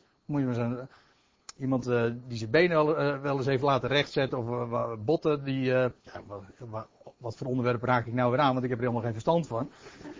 Maar ik weet in ieder geval. Ik heb wel eens een keer gehoord van dat als er iets rechtgezet moet worden. Trouwens ook bij een, door, een, door, een, door een chiropractor. Hè, als er dan dingen rechtgezet moeten gaan worden. Dat is erg pijnlijk. Wat zit jij nou, wat heb jij Petra? Ik, ik kom Petra weer tegen of zo. Ik, ik bedoel, rechtzetten, dat kan pijnlijk zijn, maar dat is positief. En gericht is altijd rechtzetten en ook weer terecht brengen. Goed. Zeg ik eventjes een, uh, een intermezzo. Gaat er eventjes om. Die plaats in de woestijn van God bereid, die wordt ook gewoon gelokaliseerd. Bij name zelfs genoemd. En uh, als u dat uh, allemaal wat visueler wil hebben, nou, hier hebt u het. Het is een, een satellietfoto van Israël. U ziet daar de Dode Zee, Jeruzalem. En dan als je een heel stuk naar het zuiden toe gaat, net over de grens van het huidige Israël, kom je in de woestijn van Edom terecht. Dat is dus in het huidige Jordanië. Ergens halverwege Eilat, dus de golf van Aqaba of de, golf, de, de Rode Zee en de Dode Zee in. Ongeveer halverwege, ongeveer, ja, wat zal het zijn, pakweg, ik, ik weet niet precies, maar 150 kilometer denk ik onder, ten zuiden van de Dode Zee. Pak me niet op 10 kilometer, weet ik niet. Maar iets in die geest zal het zijn. Uh, daar heb je dus dat grote gebied van Edom. En uh, daar in dat gebied uh, centraal ligt Bosra, oftewel Petra. Dat heeft alles met elkaar te maken. Dat is een, daar kan ik nog wel wat meer over vertellen. Eventjes ook voor degenen die toen op die Bijbelstudieavond waren. Toen heb ik daar een heleboel over verteld. Want de, dat Petra, dat is een, een stad die helemaal uit de rotsen is uitgehouden. Daar is geen, daar is, daar is geen metselwerk, heeft daar plaatsgevonden. Het is een stad die helemaal uit de rots is uitgehouden. Een, uh, een onneembare vesting. Een geweldig onderduikadres. Je kunt er alleen maar komen door een 1700 meter lange gang. Een heel, op, bij sommige plekken zelfs een hele nauwe doorgang. Eng is de poort. Hè? Toch? Eng is de poort die naar het leven leidt. Nou, dat zal letterlijk zo ook zijn. En uh, dan, als je dan eenmaal door die nauwe poort, die, die smalle weg, die naar het leven leidt, uh, gegaan bent, dan kom je in een reusachtig groot, helemaal uit de rotsen uitgehouwen stad. Een enorme plaats. Ik ben er nooit geweest, maar ik heb er genoeg verhalen over gehoord en gelezen, foto's over gezien. Op internet is er gigantisch veel over, informatie over beschikbaar. En het uh, is niet alleen maar een stad waar uh, dat heel groot is, maar ook met schitterende bouwwerken, heiligdommen en zelfs een troonzaal. Schitterend. Nou. Oh, dat is al. Oh, deze dingen die, die de dateren van de Nabateërs en dat is, dat is ergens een paar eeuwen voor Christus. Maar de stad Petra wordt al veel eerder genoemd in de Bijbel. Ook in de dagen van David heeft dit al gekend.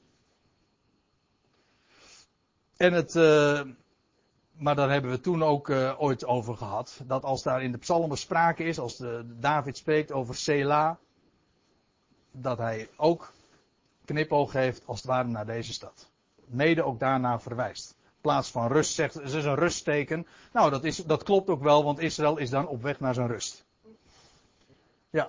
Maar het is, een, is een geweldig onderwerp. Maar het gaat mij er eventjes om. Er is een plaats van God bereid. En op het moment dat de gemeente, de mannelijke zoon, hè, eh, Christus, zo moet ik eigenlijk zeggen. Je moet niet zeggen de gemeente, maar Christus, die mannelijke zoon, is weggerukt. Hoofd en lichaam tezamen, daar waar ze horen, namelijk bij de troon. Uh, dan zal de vrouw meteen gaan vluchten naar de woestijn. En daar heeft ze een plaats van God bereid. En daar wordt ze onderhouden. Ja, want daar wil ik ook nog wat over zeggen. Dat is heel grappig. En de NBG is het helemaal wegvertaald. In de Statenvertaling, ik zeg het maar weer, staat correct. Daar staat namelijk dit in openbaring 12 vers 6. En de vrouw vluchtte naar de, naar de woestijn, waar zij een plaats heeft, door God bereid. Opdat, in de NBG's vertaling staat dit. Opdat zij daar 1260 dagen zou gevoed worden, of onderhouden zou worden. Staat er niet.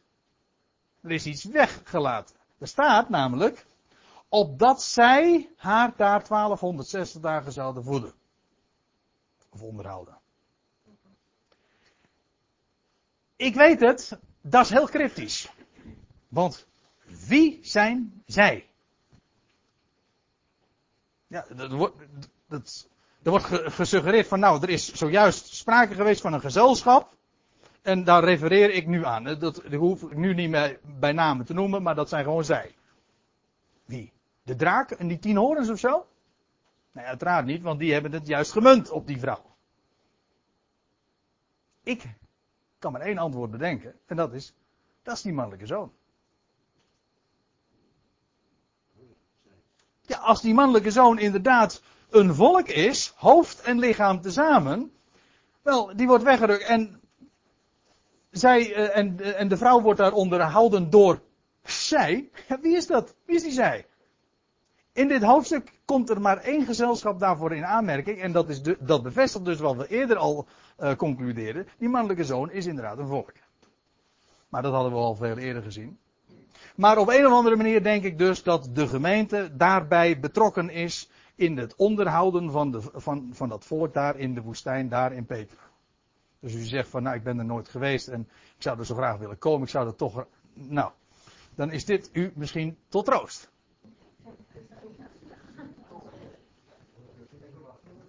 Dus nog even wachten. Goed, we gaan nog even verder. Want in openbaring 12, uh, eh, daar staat er vervolgens in vers 7. Ja, en waar uh, ga ik me nou weer aan, aan uh, wagen? Maar er staat, en er kwam oorlog in de hemel. Michael, haha.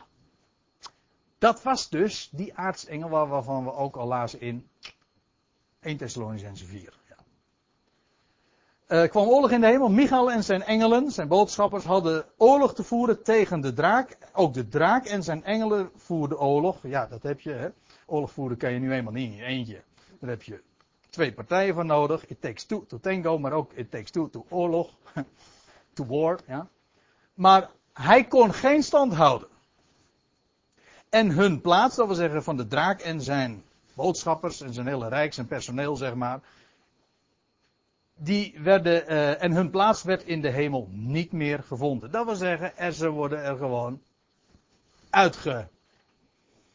Nee, ik zei, ja, ge, uitgeworpen. Uitgekieperd, neergeworpen, zo wordt het gezegd. Ze worden gewoon uit de hemel gegooid. Dat is eigenlijk ook het onderwerp van openbaring 12.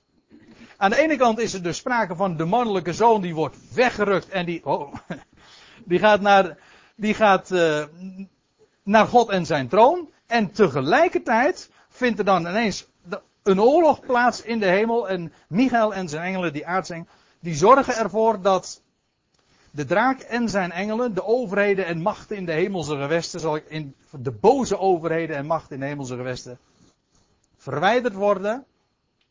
Dus de mannelijke zoon erin. En de draak en zijn hele rijk en al die overheden en die machten en zijn engelen en zijn, heel zijn personeel wordt geworpen op de aarde. Eh, uit de hemel worden ze geworpen en hun plaats werd niet meer gevonden. Dus, dus, dus een plaats, een wisseling van de wacht. De een erin, de ander eruit. Want tezamen kan het niet. En ik weet niet of u er ooit zo tegenaan hebt gekeken, maar dat is de echte reden waarom, de waarom inderdaad de gemeente wordt weggerukt. We zijn inderdaad, we zijn verbonden met hem. En hij is daar, hij heeft een plaats gekregen boven alle overheid en macht. Ja, waarom? Nou, opdat hij de erfgenaam zou zijn en opdat hij de heerschappij zou voeren over hemel en aarde. En hij heeft de hoogste plaats en wij delen ook met hem de hoogste plaats. De troon in de hemel. En wij zullen daar met hem, ik, als u naar mij vraagt, hoe stel jij dat dan voor? Dan weet ik niet. Daar heb ik geen idee van. Ik vind wel heel. Het, eh, nou, avontuurlijk is niet het uh, juiste woord, maar ik moet u zeggen, ik vind het een intrigerende gedachte. Van wat dat betekent. Zo'n gezelschap, wat, stellen wij nou voor? De Ecclesia. Niets. Maar dat is nu juist ook wat Paulus zegt. Het onogelijke, wat eh, in de wereld helemaal niks voorstelt. Dat heeft God uitverkoren. En dat heeft hij bestemd inderdaad voor de troon.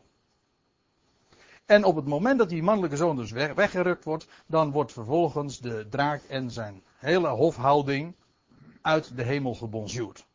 Dat is gewoon wat er plaatsvindt. Ja, uh, en waarom? En dan begrijp je ook iets anders. Wij zijn feitelijk de rivalen.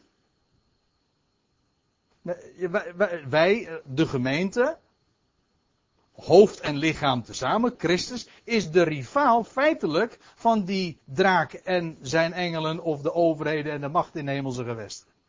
Want zij weten dat Christus, de Christus, hoofd en lichaam tezamen, hij met zijn besturend lichaam bestemd is voor de troon. En dat zij straks plaats moeten maken voor de Christus. En daarom strijden zij ook tegen de gemeente. En dat geeft ook een enorme diepgang aan wat we lezen in, in Efeze 6, waar Paulus schrijft dat wij hebben niet te strijden en te worstelen tegen bloed en vlees, maar tegen de overheden en tegen de machten, tegen de wereldbeheersers. Staat in het Grieks de kosmokraten, dus de, de, heersers over deze kosmos, die wij niet zien, maar die achter de schermen in de onzienlijke wereld de macht uitoefenen. Zij strijden tegen ons. Let wel, er staat niet dat wij moeten strijden tegen hen. Zij strijden tegen ons. En daarom zegt Paulus ook, doe je wapenrusting aan, zodat niet om te strijden, maar gewoon om stand te houden. Sta in de overwinning, sta in de macht van zijn sterkte, sta in zijn woord. Maar zij hebben het op ons gemunst, want zij weten dat wij hun rivalen zijn. En dat zijn wij ook. En op het moment dat wij tot onze bestemming komen, worden zij op de aarde geworpen. En dat is wat vervolgens in het boek Openbaring, of in de rest van hoofdstuk 12, maar uh, dat is nu verder niet meer aan de orde. Maar dat is wat in hoofdstuk 12 ook vervolgens aan de orde komt. Namelijk dat uh, die, die draak die wordt op de aarde geworpen. En dat zal een tijd van afschuwelijke grimmigheid zijn. Dat komt omdat feitelijk de hele hemelse hofhouding met al die over, boze overheden en machten, zullen dan op de aarde geworpen worden. En ze weten dat ze dan ook nog hele weinig tijd hebben. En in grote grimmigheid zullen ze zich uh, wenden tot, tot, tot de vrouw. En, en, daarom, vandaar ook dat Paulus zegt, of dat de Heer Jezus al zei, een grote verdrukking als dat er nooit geweest is. Maar als de nood het hoogst is, dan is de redder nabij. Ja, de redding, maar ook de redder dus. En zo zal het dan ook gaan. Ja. Oh, ja, dat is ook zo. Het is niet vreemd. Dat had ik nooit gedacht. Ja, nog een vraag. Ja. Uh, oei. Nou, die grote verdrukking is in eerste instantie die 1260 dagen. Ja, daar is een heleboel over te doen. En daar kun je natuurlijk veel meer over zeggen dan ik nu eventjes in één of twee of vijf minuten zou kunnen vertellen. Maar ik denk dat die grote verdrukking inderdaad verband houdt met Israël. Maar dat heeft nog met een ander punt te maken. En dat is dat men meestal, en, en, en met men bedoel ik ook uh, de evangelische uitleggers, meestal het hele eindtijd gebeuren in die, die zeven, laatste zeven jaar of in die laatste helft van die zeven jaar perst. En men ook bijvoorbeeld zegt dat de toren van God zich zeg maar, in die zeven jaar over deze aarde zal uit, uh, uitgieten. En dat, is niet, en dat is niet zoals ik dat ook in het open boek Openbaring tegenkom. In het boek Openbaring is het juist zo dat de op het moment dat die 1260 dagen voorbij zijn, die grote verdrukking, dan zal de Heer vervolgens verschijnen, zijn voet zal staan op de olijfberg, maar dan gaat hij zijn troon vestigen in eerste instantie in, ja, nee, niet in eerste instantie, maar hij gaat zijn troon vestigen in Jeruzalem. Hij zal zijn volk verzamelen, et cetera. En dan gaat hij zijn heerschappij vestigen, niet alleen maar over Israël, maar over al de volkeren. En gedurende die tijd dat het, de heerschappij gevestigd gaat worden, en dat zal een hele, heel aantal jaren in beslag nemen. Ja, daar kan ik ook nog een heleboel over vertellen, want dat heeft ook alles met die vrouw te maken. Ik aarzel, ik aarzel eventjes dat nou verder uit te leggen wat ik nu zeg, maar het gaat, nee, laat ik dat niet doen, want dat is echt veel te uitgebreid. Het gaat mij even erom dat als dat uh, zal gebeuren, dan in, vanaf dat ogenblik zal de toorn van God zich over de aarde gaan uitgieten. En dat wil zeggen, om ook de, uh, de volkeren te treffen, omdat zij ook ten strijde zijn getrokken tegen Jeruzalem. Dat lees je ook hè, in Zacharia, dat de volkeren zullen ten strijde tegen, tegen, tegen Jeruzalem. De Heer zal vervolgens ingrijpen, omdat Israël zal roepen naar, naar de Heere, naar hun God, de naam van Yahweh zal aanroepen. En dan zal de Messias verschijnen. En dan zal hij vervolgens gaan strijden tegen de volkeren. En dan zal hij inderdaad ook de prijs, um, hoe zeg je dat? Hij zal, hij zal de rekening hen presenteren omdat zij aan zijn oogappel zaten. Nou, in, in die tijd uh, zal uh, zullen ook de, de violen van Gods toorn, hè, zo wordt het in openbaring ook genoemd, uh, over de aarde uitgaan. Maar dat zal zijn nadat de Heer zijn, zal, zal zijn verschenen in Jeruzalem. Die chronologie van het boek Openbaring, dat, daar, is, daar is veel meer uh, mee aan de hand, als u het mij vraagt, dan gewoonlijk gezegd wordt. Me, meestal wordt het altijd in die, die zeven jaren of in die, twaalf, of in die helft van die zeven jaren geperst. Maar ook de periode daarna is, uh, allemaal, heeft, houdt verband met het, uh, met het aanbreken van het Messiaanse Rijk. Ja, dat zijn die geboortebeeën van de nieuwe wereld. Ja, dat is het eigenlijk. Dat is de positieve manier om het te zeggen. Daar hou ik ook van. Want het zijn gewoon geboortebeeën.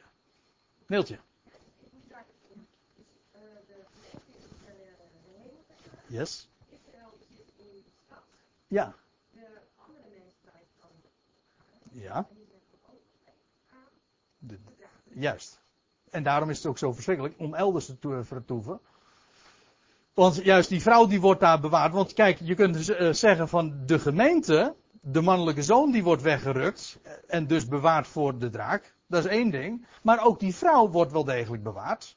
Alleen de een bij God en zijn troon, een hogere etage, en de andere op een plaats in de woestijn op aarde. Maar beide worden ze bewaard. Alleen beide voor een, ja, verschillende doeleinden zal ik maar zeggen. Israël is Gods volk voor de aarde. Wij zijn bestemd voor de hemel. Met die hoofdstukken voor openbaringen 12. Die, ja, dat bedoel ik, ja. Nee, nee, nee, nee. Want uh, ja, nou, nou, nou, raken we meteen in de details. En ik dacht van nou zijn we lekker om uh, tien voor tien eens een keertje klaar. En, dan wordt het alsnog laat. Maar nee, want in openbaringen 6. Uh, in openbaringen 6, daar lees je. Kijk hem daarna. Er worden de, de zegels geopend. Ik zal het even voorlezen. In openbaring 6 worden die zegels geopend. Uh, de zegels van die, van die boekrol. En dan bij het zesde zegel, en dat is het slot van openbaring 6. Dan lees je dat de, de zon en de maan en de sterren verduisterd zullen worden. En dan zal zichtbaar worden hij die op de troon zit en het lam. En dan staat er aan het einde van openbaring 6. Nou moet ik even mijn bril opzetten, ik heb hem nu wel bij me. Uh, Nadat, die, al, nadat er dus al vijf zegels geopend zijn, en, die vijf, en dat houdt verband met Israël, de oordelen over Israël en de alle narigheid, de ellende, de verdrukking over Israël. En dan bij het zesde zegel, dan, wordt er geroepen van, als ze, al, bij, die verduistering van zon, maan en sterren, dat wordt ook uh, in, in Matthäus genoemd, dat is juist, want als de zon des mensen zal komen, zal verschijnen, dan zullen zon, maan en sterren verduisterd worden. En dan zal hij zichtbaar worden. En maar moet eens opletten wat er dan staat. Aan het einde van openbaring 6. En ze zullen zeggen, bergen valt op ons voor het uh, en, en verbergt ons voor het aangezicht van hem die gezeten is op de troon. En voor de toorn van het lam, want de grote dag van hun toorn is gekomen en wie kan bestaan? Die is nu gekomen. Dat is dus na de zes zegels breekt pas de dag van toren aan. Dus nadat de Heer is verschenen en nadat, teken, nadat de verduistering van zon, maan en sterren bij zijn verschijning eh, op de olijfberg van, bij Jeruzalem, dan pas zal de dag van toren aanbreken. En dan pas worden ook die 144.000 uit Jeruzalem, uh, oh, pardon, uit uh, Israël verza- uh, verzegeld. Yes. Ja, ja, ja, ja, maar dat geldt eigenlijk voor alles natuurlijk. Ja.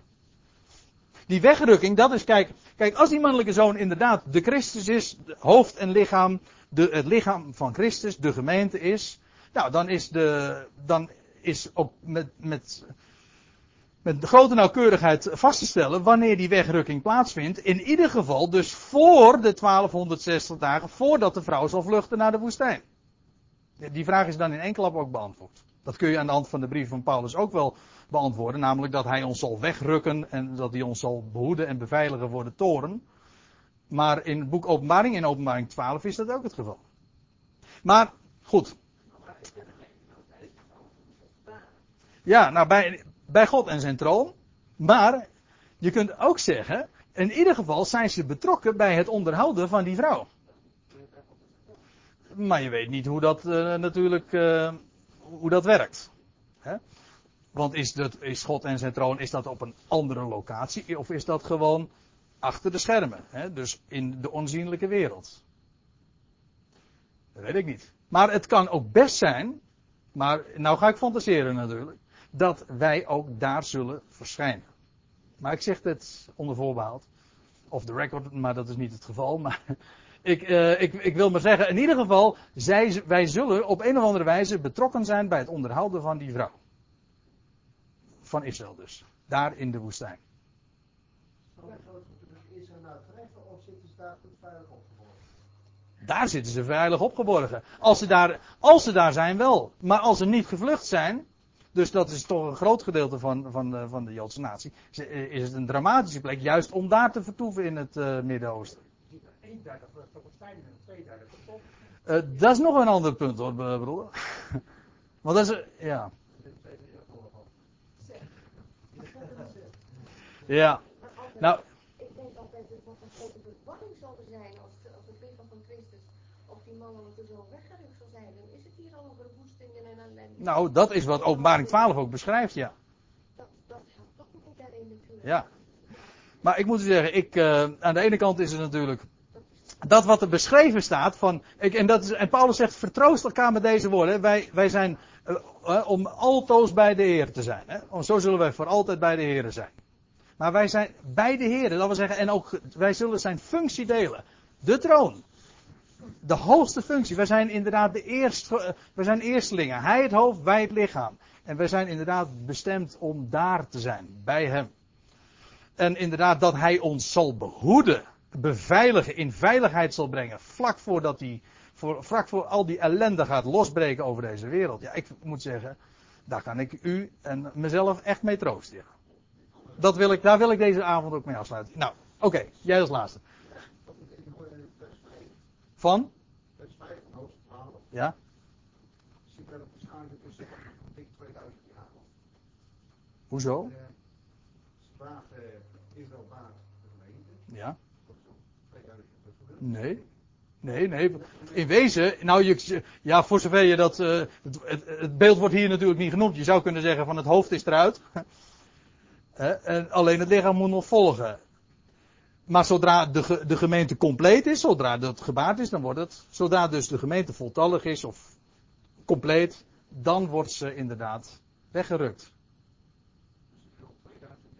Die bevalling plaats. Ja, hoewel hier wordt natuurlijk vooral gesproken over dat wat er zal plaatsvinden. Zodra dat heeft uh, plaatsgevonden. Zodra die geboorte heeft plaatsgevonden en dan wat, wat er dan allemaal in werking zal treden. Ja, precies. Zodra de gemeente compleet is. Sorry? Oh, begonnen. Um, ja, ja, in wezen wel, ja. Ja. Oh, bedoel je het zo met, dat is al 2000 jaar weg? Ja. Ik, en zo, ja. Ja, precies. Ja. Ja.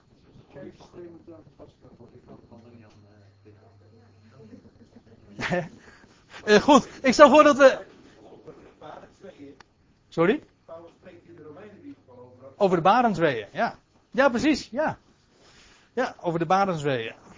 Daar gaat het niet specifiek over eh, de Barensweeën van Israël, maar wel inderdaad over Barensweeën. Ja. Ik stel voor dat we nog een lied zullen zingen.